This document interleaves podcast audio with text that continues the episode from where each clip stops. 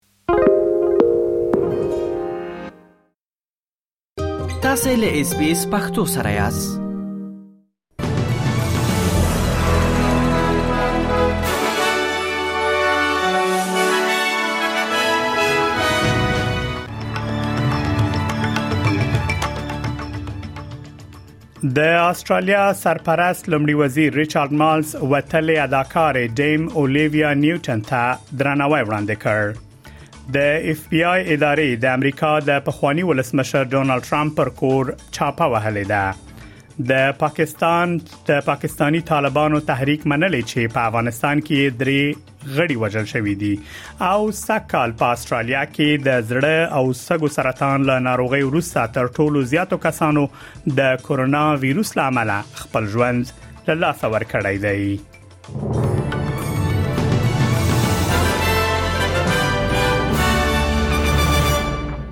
اوس هم پام وکړئ بشپړ خبرونه ته د استرالیا سرپرست لمړي وزیر ریچارډ مالز وتلې اداکارې ډیم اولیویا نیوټن ته درناوی وړاندې کړ چې د 23 کلونو په عمر مړه شوې نو موړي ل تیرو دیر شو کلونو راځي د سیلې سرطان درلوده خغلی مالز وایي د استرالیا هغه نسل چې د ګریس فلم په لیدلو لوی شوی نن ورځ د تشي احساس کوي خغلی مالز وایي چې هغه نه یوازې د استرالیا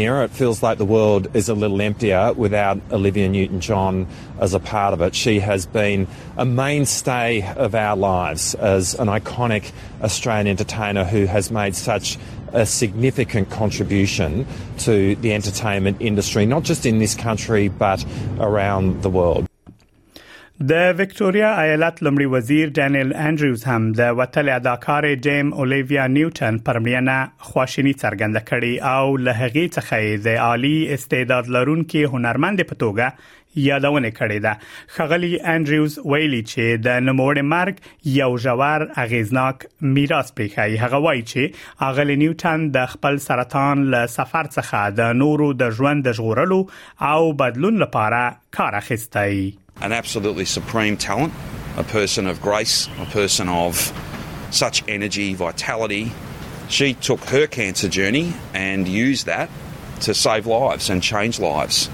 And that's just a deeply impressive thing.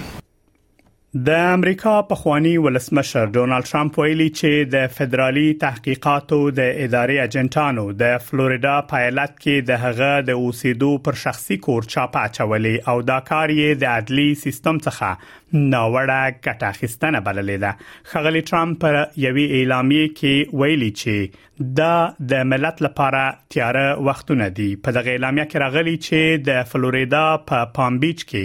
د د د کور د مارا ګولا خایستا کور همدارس اوس تر چاپی لاندې دی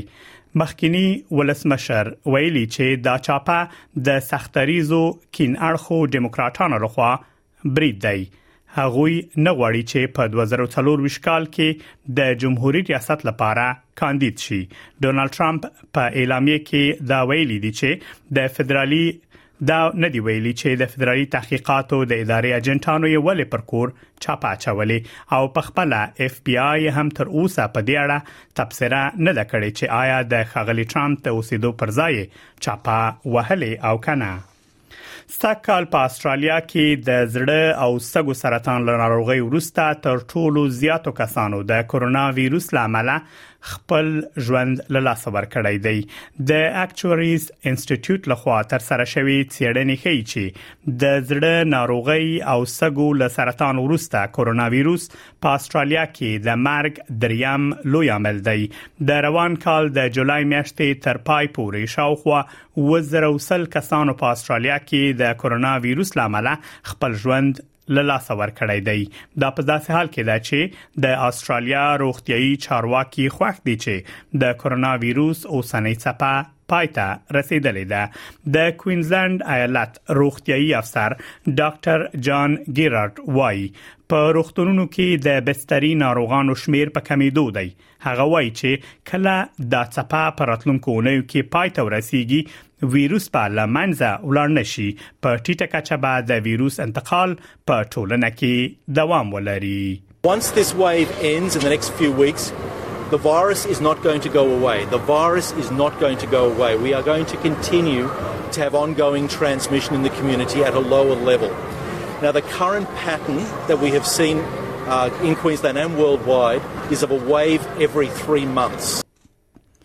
راپورونه ښيي چې د تحریک طالبان پاکستان یو مشر عبدالولي چې په عمر خالد خراساني هم مشهور و په افغانستان کې د سړک غاړې ماین په یوه چاودنه کې وژل شوی دی د اسوسییټډ پریس خبري اژانس د پاکستان د پوز د زینو مشرانو او چارواکو له خولې چې نمونه یې نه دي خبر شوی دا خبر خبر کړی دی راپورونه ښیي چې د پاکستانی طالبانو د دغه مشر موټر د یک شنبه په شپه د پکتیکا د برمل په ولسوالۍ کې د سړک غاړې پر ماين برابر شوی دی له هغه سره د هغه موټر چلوونکی او دوه نور نګدي ملګري وژل شوی دی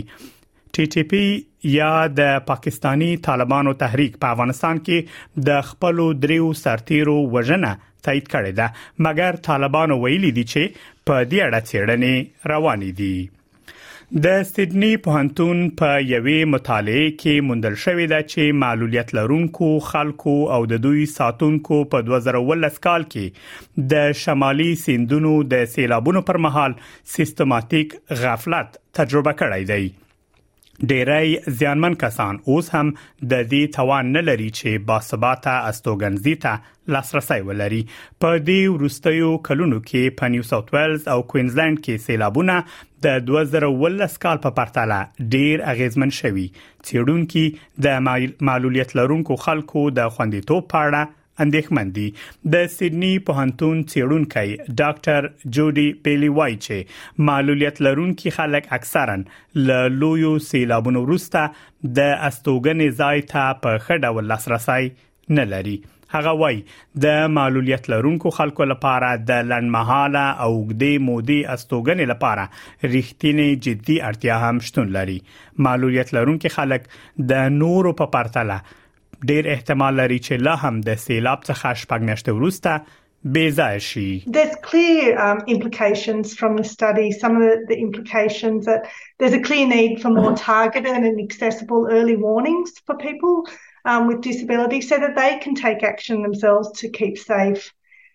Um, there's also a real dire need for more short term and long term accommodation for people with disability. Um, as I mentioned, people with disability are, are more likely than others to still be displaced six months after a flood. And this also points to the fact that people with disability are going to take longer to recover.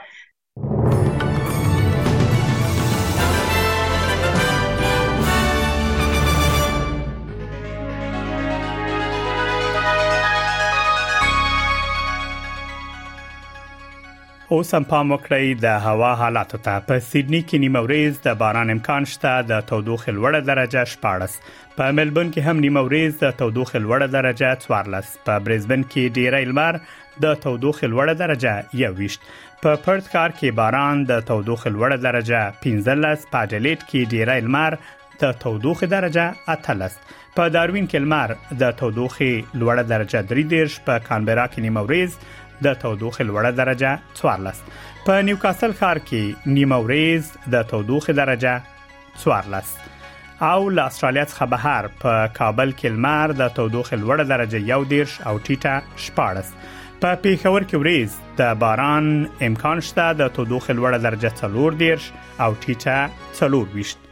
دا هم د استرالیي ډالر پر وړاندې د نورو اسعارو بیه د استرالیا یو ډالر او یا امریکایي سنټه یو استرالی ډالر 9 شپېته یورو سنت او 850 بریټانوي پنسه د استرالیا یو ډالر 1550 هندیو کلدارو او یو سلو شپږ 50 پاکستانیو کلدارو سره برابرېږي او د استرالیا یو ډالر 3 شپېته افغانۍ کېږي خبرونه همدومره و لاملتیا مو مننه کوم